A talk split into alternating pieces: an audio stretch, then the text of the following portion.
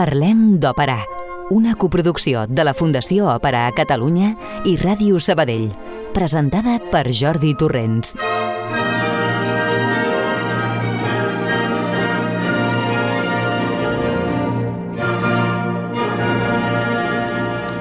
Tothom, estimades i estimats. Avui, dijous 16 de febrer, estem de nou amb tots vosaltres per presentar-vos l'edició número 511 de Parlem d'Òpera, el programa de Ràdio Sabadell que pretén explicar-vos de què va tot això de l'òpera amb un llenguatge planer i entenedor, sense caure en forats que puguin fer dir que allò de l'òpera és elitista, perquè res més lluny de la realitat. Anem transitant per aquest hivern del 2023, un, hivern ben contrastat pel que fa a temperatures. Roger Benet, el control d'això i qui us parla, Jordi Torrents, us donem una cordial benvinguda. Hem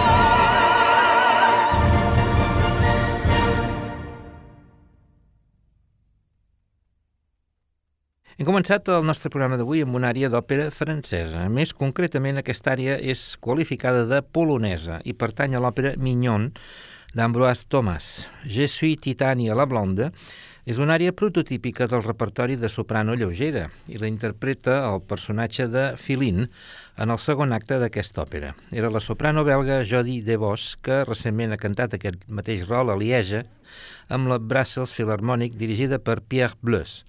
De què parlarem avui, doncs? Seguiu atents.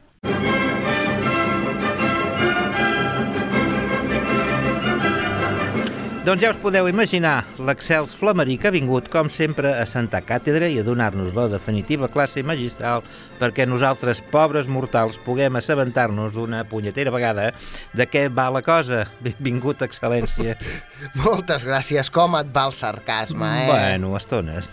De fet, ets com el nostre caudillo, eh? Huele a azufre todavía. Avui, dos CDs de sengles sopranos que ens donaran lliçons de com canten els gavatxos. Tot això i més a Aló Flameric 43.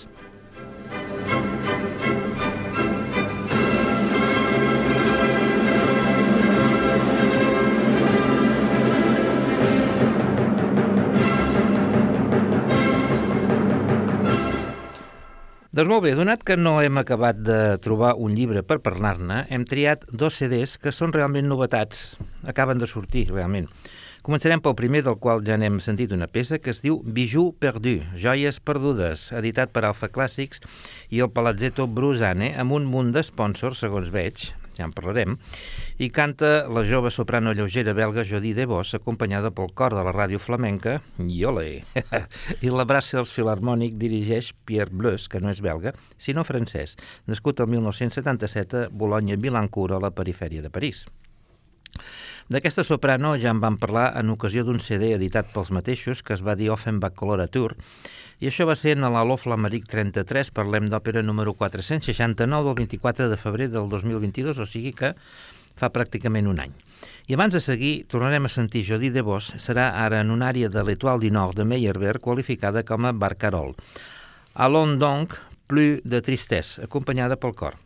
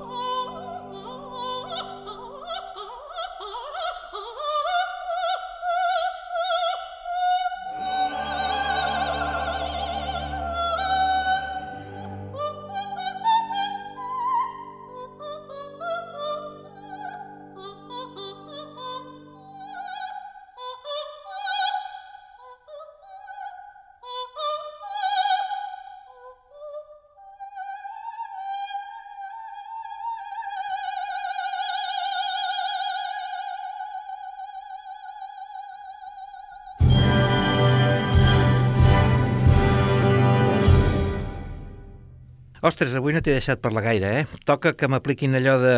¿Por qué no te callas? Parla. Home, doncs mira, m'has presentat com a caudillo i ja veus que tinc la veu que una miqueta... Uh, és com Home. si em faltés alguna cosa per allà baix. Sí. Una mica tocat Era estic. una mica més de flautada. Sí.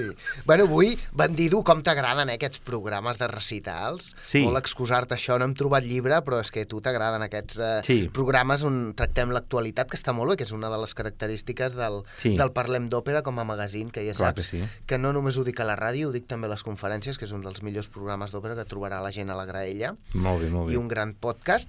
I bé, eh, doncs sí, aquest primer CD, eh, recordo el, aquest CD d'Offenbach, que era molt interessant amb aquesta Sí. veu, i aquest segon, doncs, també són àries eh, franceses, eh? Tornem a trobar el passat aquest del Meyerbeer, Mhm. hi haurà algú que ens escolta que estarà molt content. Molt content, sempre Meyerbeer. Sí. I bé, a nivell de- d'interpretació, doncs aquestes vocalitzacions, eh, que són àries per eh, soprano lleugera, per tant hi ha aquesta coloratura, aquest estil elegant de cant, aquesta mm. escola francesa, que seria una mica diferent del que, del que seria l'italiana, amb unes interpretacions eh, que dibuixen els personatges, eh, si escoltem eh, tot el CD, doncs amb un perfil sense exagerar, és a dir, no, hi ha tot aquest virtuosisme, però hi ha tota una línia molt ben tractada, però que configuren els personatges sense aquella exageració, quasi bé que perceps una diva darrere, sinó que hi ha Mm.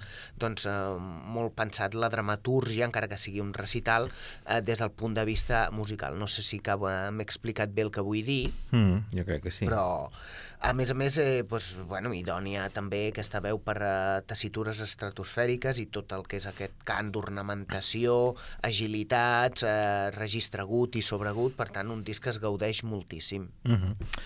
Us recordaré qui és Jodie DeVos, és una soprano lírico-lleugera belga, nascuda el 10 d'octubre de 1988, per tant té 34 anys, és ben jove. La seva carrera encara no és massa llarga, des del 2014 a l'òpera còmic, eh, ha cantat bàsicament a Bèlgica i a França. El CD se'n diu Bijou Perdu perquè, a banda de que si la major part són joies perdudes de l'òpera francesa, una de les òperes que hi surten se'n diu precisament Les Bijoux Perdus, que és d'Adolphe Adam. Ràpidament us relaciono el, el contingut d'aquest CD. Primer hi ha d'una òpera que es diu Galet, Galaté, d'un autor que es diu Victor Massé, Le Pardon de Ploermel, que és una altra manera eh, com es coneix l'òpera mm, d'Inorà de Meyerbeer, Les songes d'une nuit d'été d'Ambroise Thomas, Jaguarita l'Indien de Halaby, Les bijoux perdus d'Adam, de Aubert hi han dos eh, obres, la Manon Lescaut, que també va fer la seva Manon Lescaut, ell, i La part du diable. Després l'Etoile du Nord de Jacobo Meyerbeer i de, de nou Ambroise Thomas, un altre fragment de Les songes d'une nuit d'été i Mignon, que és aquesta que hem sentit. Uh, vaja, és un, molt interessant, no?, perquè l'òpera francesa, ja sigui gran òpera o òpera còmic, de l'època romàntica, trobo que es coneix molt poc, aquí, almenys a casa nostra, a banda d'un grapadet de títols, i encara hi ha molt de material que aquí no coneixem, que és un repertori que defensa tantíssim el nostre amic fill de Meyerbeer. Eh? Exacte, no, no, i a més a més és- s'estan fent enregistraments d'òperes senceres, la mateixa Jodie Debò, eh, ara no recordo el títol, tu potser sí, va enregistrar una, per primera vegada una òpera de Saint-Saëns fa uns mesos, va Mm. sortir la- l'enregistrament, no recordo el títol, per tant, un repertori que s'ha de conèixer i que estaria molt bé, ja que citaves el Meyerbeer, que té molt de... Meyerbeer fill, eh? Meyerbeer son, molt de contacte amb l'Atelier, que és un gran especialista, no només en Meyerbeer, en l'òpera francesa, que es traduís Mm. algun llibre, perquè ens fa falta una historiografia eh, molt més coneixedora de, de tot Sí, això. sí, sí, sí. No, la veritat és que coneixem poquíssim, primera perquè es programa zero, aquí Exacte, es programa aquí. zero, i segona, doncs, tampoc tenim llibres. El dia que surti un, un llibre del Letelier, el portarem aquí, En castellà, vols dir? en castellà, sí, sí, sí, ui, això... En, ca- en català ja no... Ja no, No, no, no, no. Ja No, en francès surten, Missió eh? impossible, sí. En francès van sortint, però... Podem portar en francès, sí. Per, per cert que l'altre dia vaig sentir per la tele aquest, el, el Vargas Llosa, que l'han fet acadèmic de la de l'Acadèmia francès, Ah, sí? el primer no francès que l'han fet, i va fer el, i feia el discurs d'entrada amb un francès que a mi m'hagués caigut la cara de vergonya. Home, jo he quedat ara amb una mena de síndrome de Stendhal de sentir-te tu amb Sí. aquest francès. Sí, no, bueno, mira, no és per dir-ho, però el francès el parlo força bé. Però el tio aquest parlava un francès tan macarrònic que dius, pa què? Bueno, no és l'únic macarrònic que té o que fa la seva vida, aquest home. Molt bé, uh, no sé, tens alguna cosa més que afegir? No, que ara abans de la tercera, eh, per, Sí. sí. tercera audició, aquesta de la Sí, Jaguarita ja- ja- l'Indient, ja- ja- ja només ho que us fixeu en, la, en aquesta lliçó de l'estil. Mm. Després escoltarem la Lisette Oropesa, que també és una soprano lírico lleugera. Sí. Jo diria que potser la- l'Oropesa té uns mitjans, diguem, més sofisticats, o, Sí. o podríem dir que és millor veu, però Una, la... voz, una voz que pesa. Va. Sí, que pesa, Oropesa. Pesa, ah. pesa és oro, Oropesa oro. de mar, sí. Uh, però la, totes dues la porten a la, al, diguem, el que seria les màximes possibilitats Sí. i evidentment la Jodie de Vos és una extraordinària cantant que Sí. fa uns Bueno, enregistraments és i unes una actuacions. lleugera de coloratura, clarament, no?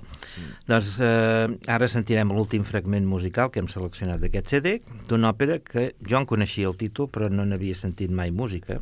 Eh? Veieu com aquest CD aporta moltíssim, amb un títol que és absolutament friqui, que és sí. Jaguarita l'Indien, eh, el que dirien com l'Índia Jaguarita, de Fromental Halibil, l'autor de la Juif.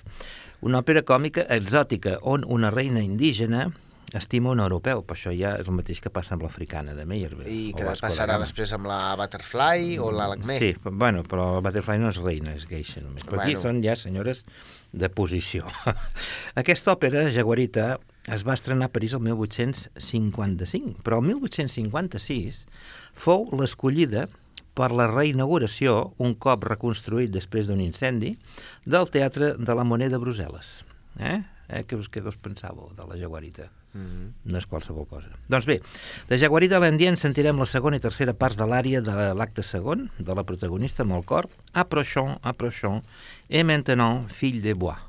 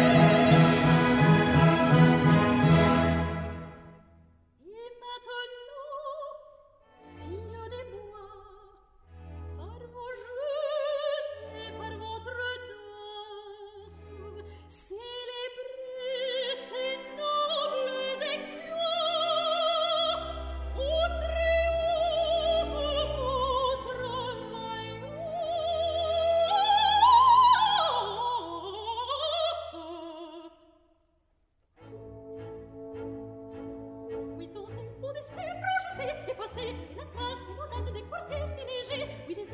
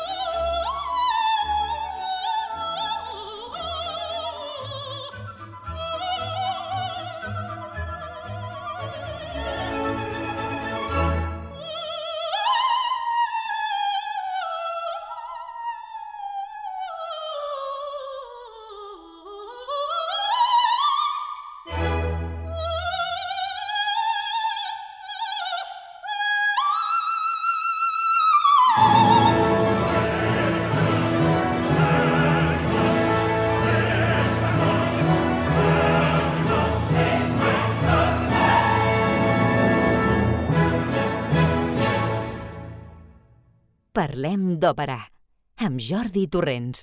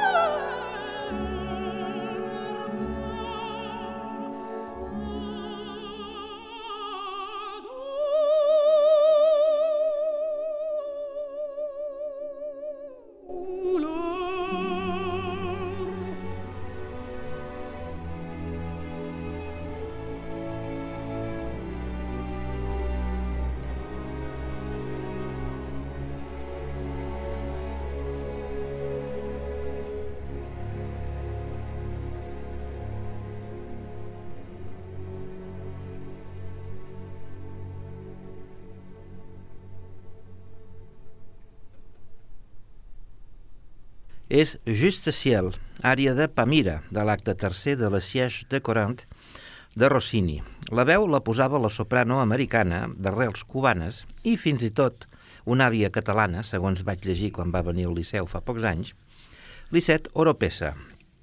El cor era el de l'Òpera Estatal de Saxònia, de Dresden, i l'orquestra la Dresdner Philharmonie sota la batuta de Corrado Robaris. Ara, doncs, parlarem d'una soprano diferent de l'anterior, doncs jo diria que l'Oropesa és més aviat una lírica pura, encara que la sentirem en repertori de lírica lleugera, però amb una veu amb més cos. Això sí que la Jodie de Vos. Eh? El CD que presentem és Rossini and Donizetti French Bel Canto Àries, àries franceses d'autors italians, eh? editat per Pentaton, que és una, una discogràfica que no tinc el gust de conèixer. És, uh, no sé si ella també va ficar-hi mà amb el Pentaton, Ah, el va comprar o algú així, em sona. Totes no són les mestresses del, del segell. sí, una mica. Bueno, això és una línia, eh? També la Clar. Bartoli... Bueno, i la, Ah. I la Gruberova tenia la Nightingale i la Rebeca, que vam parlar fa poques setmanes, el disc, la discogràfica també era seva, etc. Sí. Bé, doncs eh, una altra soprano, sí, lírico lleugera o lírica pura, sí que es nota que té més cos, fixa't també que amb, el registre greu hi ha un, una mica més de densitat i un color una mica me, més fosc, eh, sembla per això, eh, una veu més cabalosa, també cor i orquestra estan molt bé la captació de so, eh, com l'altre CD, és molt, molt bona i hem sentit aquest fragment, però eh, si la gent es compra el CD, que esperem que sí, i escolta l'altra escena de- d'aquesta òpera de Rossini, és que no la vull dir en francès perquè jo no tinc el... Le siège de Corinthe, de digues el setge de Corinthe. El setge de Corinta, ho hem de catalanitzar Corint, tot. de Corint. Doncs al·lucinaran, perquè hi ha un virtuosisme eh, espa- espaterrant, vull dir, Sí. que està extraordinària. Eh, una altra lliçó, eh, lliçó de cant, a més dicció força entenedora, eh? A més a més, eh, ara ens posem una mica cursis amb adjectius, però aquest cant ingràvid, magnètic, eh, en un disc que barreja títols còmics amb seriosos, Sí. eh, programa atractiu, aquests dos compositors italians que van Sí. tenir etapes tan importants a, a França, Mhm. que a més a més tot aquest repertori ja el va oferir, recordo haver llegit que l'any passat, crec que era el març, eh, va oferir un concert al Real de Madrid amb, Mm. aquest, eh, amb aquesta selecció, Ah, o sí? part d'aquesta selecció d'aquest CD, Uh -huh. i eh, bueno, aquesta àrea que hem escoltat de Rossini, doncs trobem aquest tòpic de l'arpa romàntica d'acompanyament, Sí. Uh, també és una veu que té un vibrato considerable, eh? com aquestes lleugeres que si escoltes molta estona se't fica una miqueta el coquet a, a, a l'orella, però Mm. realment frases llargues, molt ben sostingudes, aquest fragment que hem escoltat, Sí. clarobscur expressiu, pulcríssim legato, i atorga el necessari contingut eh, emocional. Per tant, és que són dos discs que realment avui, bueno, dues delícies de, de dues cantants d'actualitat, Mhm. que eh, musicalment doncs, ho, ho peten, són dues eh, estrelles, eh, però Mm. perquè realment s'ho mereixen. S'ho mereixen. Ho ho hem fet una bona tria, doncs, eh, avui. No sé qui l'ha fet. Bueno, no sé, algo que passava por ahí. Uh, uh, direm el, el repertori uh, d'aquest CD, que de Rossini tenim Les Sièges de Corint, que és la versió que Rossini va fer per París del Maometto II, estrenat a Nàpols. Guillaume Tell i Le Conteori són òperes creades originalment en francès per ser estrenades a París. Eh? Passa que el Guillaume Tell mm, potser a vegades fa més en, en, en italià, no? el Guglielmo Tell. Bé, jo l'he sentit en italià només. Per la banda de Donizetti tenim Le Martyr, que és la versió francesa del Poliuto, que no va poder estrenar a Nàpols per problemes amb la censura, La Fille du Régiment, aquesta sí, composta expressament per la capital francesa, i el més curiós, i que per mi és el més interessant del CD, un fragment de la versió francesa estrenada a París de la Lucia de Lammermoor, aquí Lucie de Lammermoor, Vale. estrenada en el Teatre de la Renaissance de París el 1839. L'original italià és del 1835, estrenada a Nàpols. I no és una simple traducció de l'obra original italiana, no. Eh? Eh, en sentirem un tros, eh, però el deixaré pel final. I ara us proposo una àrea de la popular òpera còmica La fill du règiment, que és Il faut partir.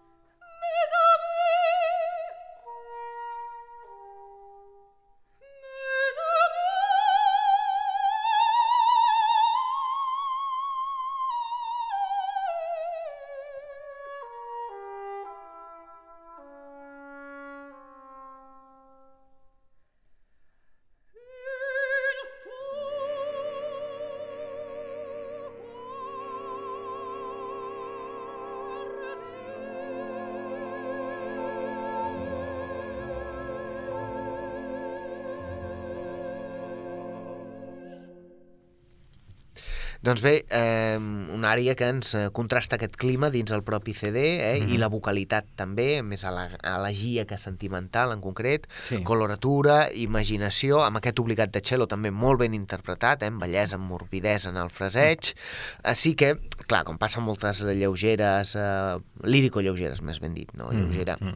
En aquest cas, l'Oropesa, eh, alguns aguts són un pèl estridents pel timbre, no perquè cridi, però bueno, són Mm, veus sí, que, perquè que dalt tenen força, força més ressonància, aquest vibrato, i amb algunes notes en forte o notes llargues, eh, Sí. però ja ja passa, eh? no res, eh, res explícitament criticable, Mhm. i doncs un- una delícia és que realment he gaudit molt amb aquesta tria que has fet de, dels CDs, Mhm. Sí, ja i sí, ja sí. ara escolta... Sí, de res, de res. Més val que ho digui, no? Sí, perquè així l'any que ve potser et pujaré la sou i tot. I tant, com allò, el Bar Simpson, multiplica't per zero, no? Doncs igual, seguirem. I ara la següent, eh, el següent fragment també ja, voldria... Ja en parlarem després. Des, primer, si, eh, només afegir que aquesta àrea de la Fillo Regimant, que bueno, la Fillo Regimant segur que la majoria la coneixeu perquè l'han fet abastament al Liceu, jo per mi, a mi és una òpera que no m'agrada, perquè ja dic és el, pitjor de Donizetti, però en contrast amb tot eh, les cridòries i les d'allò que hi ha, aquesta àrea que hem sentit, i fou partir és com més elegia, que més, més tranquil·leta, no? Només volia, de moment, afegir quatre dades biogràfiques de Lisset Oropesa, que va néixer a Nova Orleans el 29 de setembre de 1983, vol dir que aquest any en farà 40. Mira, és del meu any. Mira, tu també, vaja... Sí, no ho sembla, oi? No ho sembla. Gràcies. Sembla que vagis pel 50 ja, Flamaric. Va estudiar a la Universitat Estatal de Louisiana i el 2005 va guanyar les audicions del MET, accedint pel al programa de joves artistes, del que, el qual es va graduar el 2008. Fou en aquest teatre on va debutar en un rol principal, que va ser la Susana de l'Enotzi de Figaro, el 2007. Ha cantat en els principals teatres i festivals dels Estats Units i d'Europa. Al Liceu, per exemple, hi va cantar la Rodelinda el 2019, ja la vaig veure, la de Handel, està molt, molt bé, i la Traviata el 2020, aquesta no, perquè va ser en plena pandèmia i vaig dir, no, no, no vaig, no baixo a Barcelona a arriscar-me a quedar infestat de virus per veure una Traviata que n'he vist tantíssimes, no? I també va intervenir en el concert del 175 aniversari que es va celebrar el 3 d'abril del 2022. Mm -hmm. Eh? Efectivament. Mm, I ara us oferirem uh, l'àrea de la Lucie, que es diu Que n'avons-nous des elle? Eh? Aquesta cavatina és un dels fets diferencials de la Lu- Lucia italiana i de la Lucie francesa, fet, fet diferencial també. I substitueix a Renyava en el Silenzio, la famosa àrea del primer acte de la Lucia. La música, però, o part d'ella, no és original, sinó que procedeix d'una altra òpera del mateix Donizetti, és clar, que és Rosmonda d'Inglaterra. Eh, Sí, una òpera que per cert tinc una anècdota, podem fer allò Sí. personal. Uh, doncs va ser la primera, jo tenia uns amics Mm. mm. uh, en aquella època, estic parlant de l'any 2001, uns amics de operístics, i que uh, pel meu aniversari, que el 2001 em feia 18, em van regalar precisament la Rosmonda d'Inglaterra, que va ser la meva primera òpera rara, com a segell òpera rara que vaig la de tenir. la Fleming, no? Sí, exacte. És la, la que jo tinc. És, Sí, és és que em sembla, sí, ja em sembla alguna versió, potser un concert o alguna així, Sí. però va, eh, aquella és la versió oficial, Sí.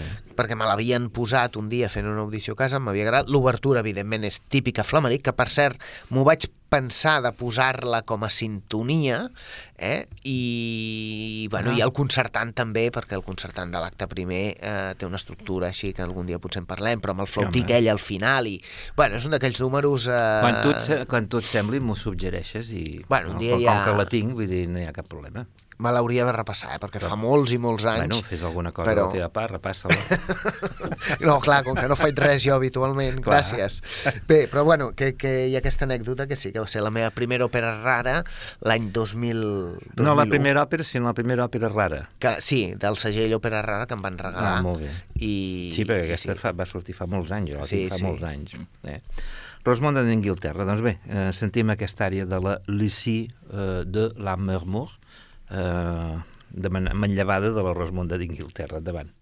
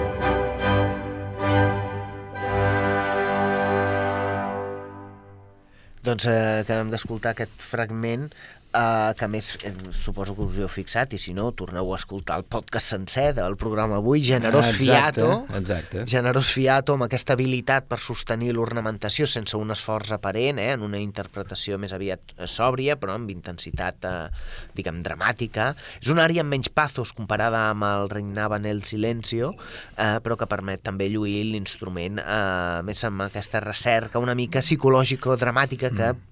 Donizetti va, va sí, temptejar perquè eh, realment Renyava en el silenci és com més tètrica, no? És més, Sí. és més escocès, allò que fos, fosca i, Sí, i i hi ha humida. també la flauta, no sí. oblidem, d'acompanyament, i també doncs, dins d'aquesta lliçó de cant que fa l'Oropesa, fixeu-vos les notes picades, les volates, és a dir, realment un disc que tot aficionat almenys hauria de- d'escoltar o comprar perquè és, bueno, és l'actualitat eh, lírica de- d'aquest moment, sobretot mm. en aquest repertori, i és un, un gust.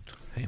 El que també us, diré, a tots els que estigueu interessats, que eh, hi, ha, hi ha gravacions, hi ha enregistraments disponibles sencers de la Lucci eh, en versió francesa.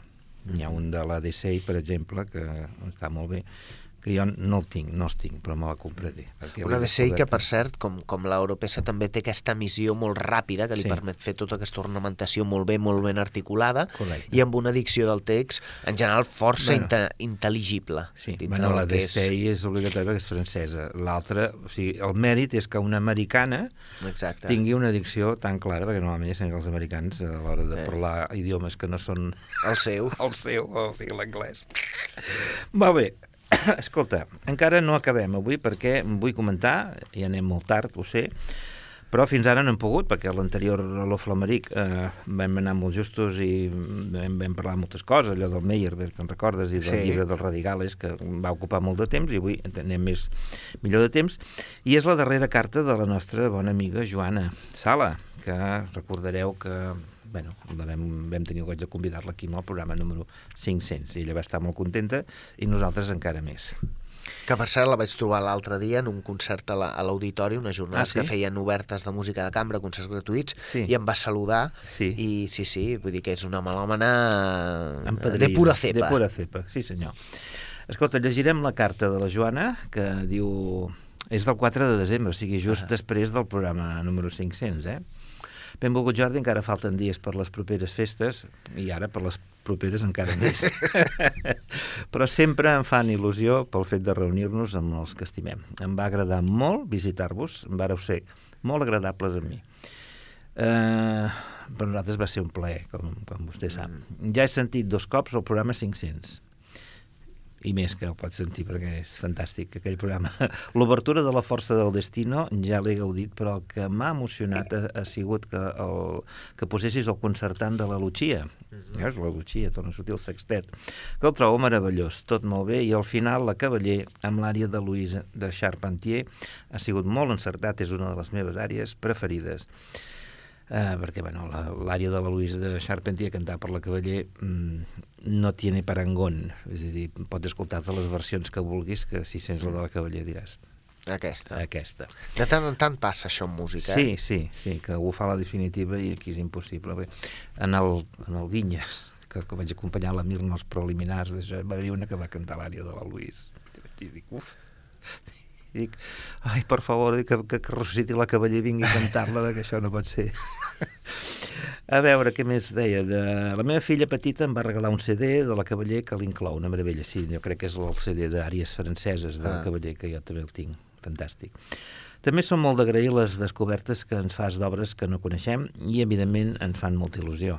I a mi m'agrada que es descobreixin Sí. de fer-les fer conèixer perquè bé, modestament no crec que altres programes d'òpera eh, sovintegin gaire aquest tipus d'obres eh?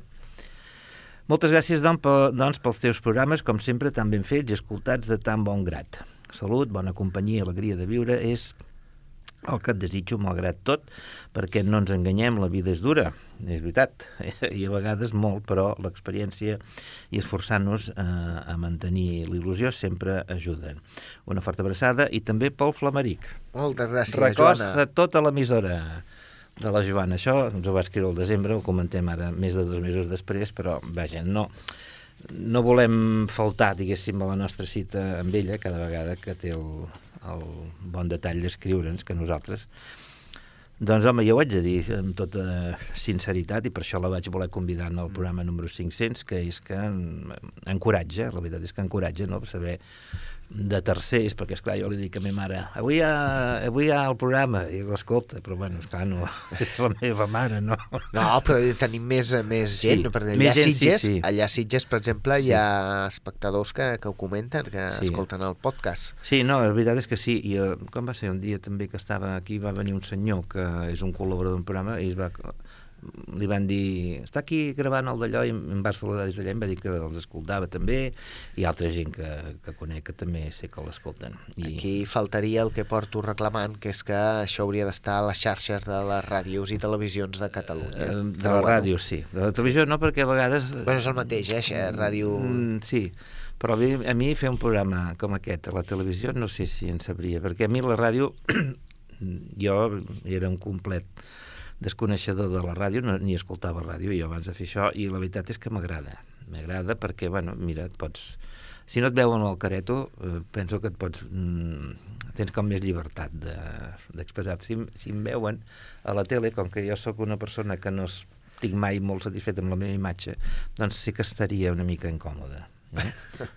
I per això dic, prefereixo, prefereixo que fem ràdio, no? Bé, eh, alguna cosa més a dir, Albert? Perquè avui, avui, avui tenim, anem bé de temps, eh? Sí, Encara és que- estrany, no? És estrany, oi? Sí. Bueno, només dir que, eh, tot i que el programa s'emetrà el dijous eh, 16 de Mhm. febrer, eh, avui ho gravem el dilluns 13, i ja saps que jo de les dates en general me n'acostumo a recordar, Sí. i avui fa exactament 4 anys que va morir en Xavier Gondolbeu, marit de la Correcte. Mirna i pal de paller dels Correcte. Amics de l'Òpera de Sabadell, I gran amic, molt estimat i molt enyorat.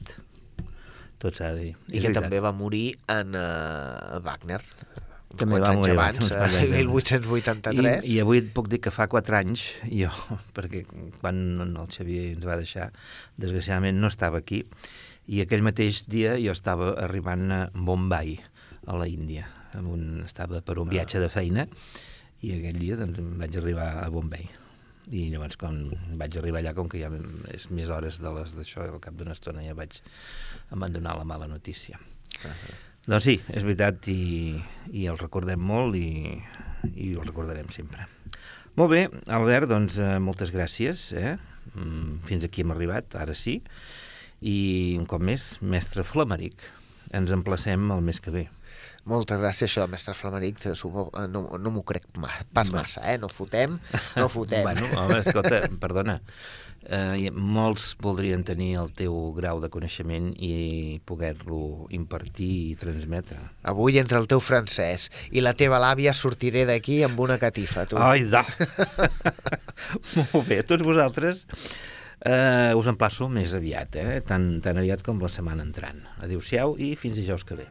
Contacta amb nosaltres. Òpera arroba radiosabadell.fm